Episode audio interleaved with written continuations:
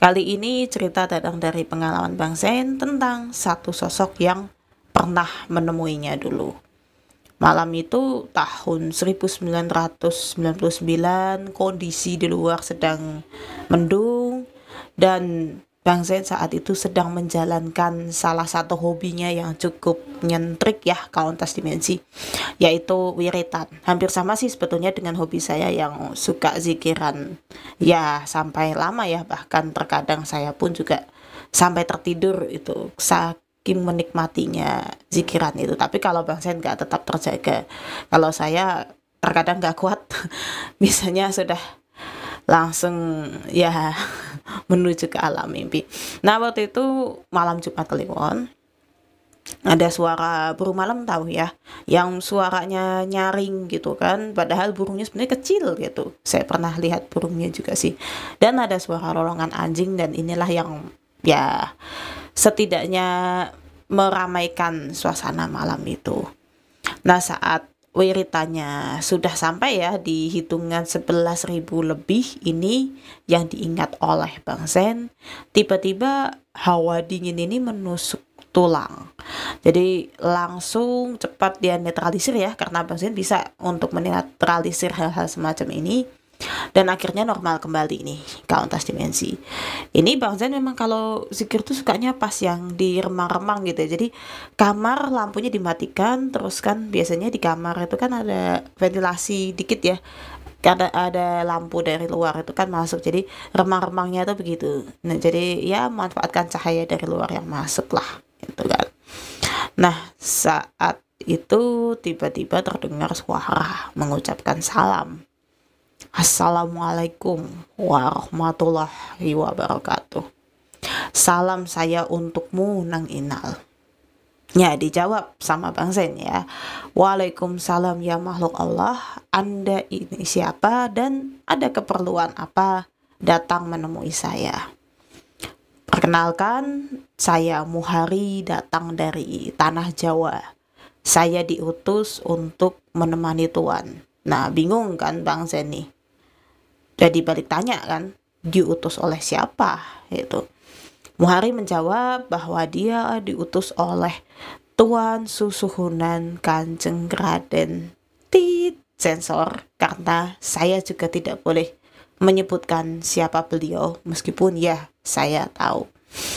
Dan waktu itu Bang Zen makin bingung kan karena Muhari menjelaskan bahwa sebetulnya tugas ini sudah lama dan mau disampaikan tetapi ya baru inilah gitu ya. Jadi yang dulu-dulu tuh belum waktunya gitu. Baru inilah saatnya untuk disampaikan dan saat itu dari mana pada saat Bang Zain ini sedang bersikir ternyata menurut ini apa ya menurut ya pandangan yang di alam sana itu Bang Zain sudah berada di makom tit lagi.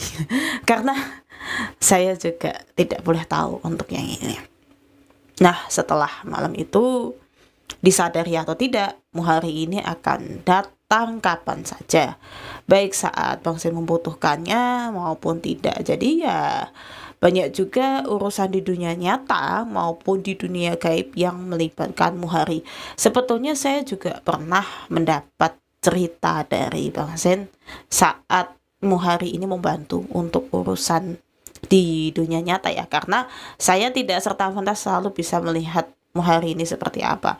Tapi kauntas dimensi saya pernah diberikan satu pandangannya bahwa seperti ini gitu. Memang pernah diperlihatkan oh dia seperti itu gitu kan. Ya tapi ini gimana ya? Uh, itu hanya kalau saya nganggap itu bonus sih. Seperti apa wujudnya? Ya rahasia. saya juga tidak mau menyebutkan ya karena kan saya tidak ada izin untuk ke sini. Artinya adalah dia memperlihatkan untuk ke saya saya dan saya juga waktu itu cross check juga ke Bang Zen siapa tuh gitu yang memperlihatkan diri ke saya? Ya itulah Muhari. Oh ya saya baru tahu gitu kan. Saya waktu itu bilang gitu tapi kalau lintas dimensi, ini jangan berpikir ya bahwa Muhari ini semacam jin pesuruh. Ya jelas ya dia masih golongan jin juga. Kemudian dia adalah semacam pesuruh yang bisa dipanggil sesuka hati. Ya kalau dia ditanya tetap sih. Dia tetap akan mengakui dia memang dari golongan jin bukan dari golongan malaikat ya dan juga dia tidak perlu dikasih sesajen apa pun. Nantinya nah ini kalau kauntas dimensi setelah mendengarkan episode kali ini ya. Juga jangan tanya kok bisa ya mbak dapat kayak gitu? Waduh saya juga nggak tahu. Apalagi nanti kalau ada yang tanya mbak itu harus zikir berapa lama Wah ya keliru. Karena bukan apa-apa kawantas dimensi. Kalau kita mau zikir Kalau kita mau wiritan Ya sudah kita wiritan saja. Tidak perlu kita zikir Untuk mendapatkan kodam Untuk mendapatkan Apa yang disebut sebagai pesuruh kita Atau pengikut kita. Nggak perlu gitu ya. Kita kalau memang mau berzikir ya berzikirlah pada Tuhan langsung gitu kan. Memang itu dari kita untuk Tuhan. Tapi jangan sampai begitu ya.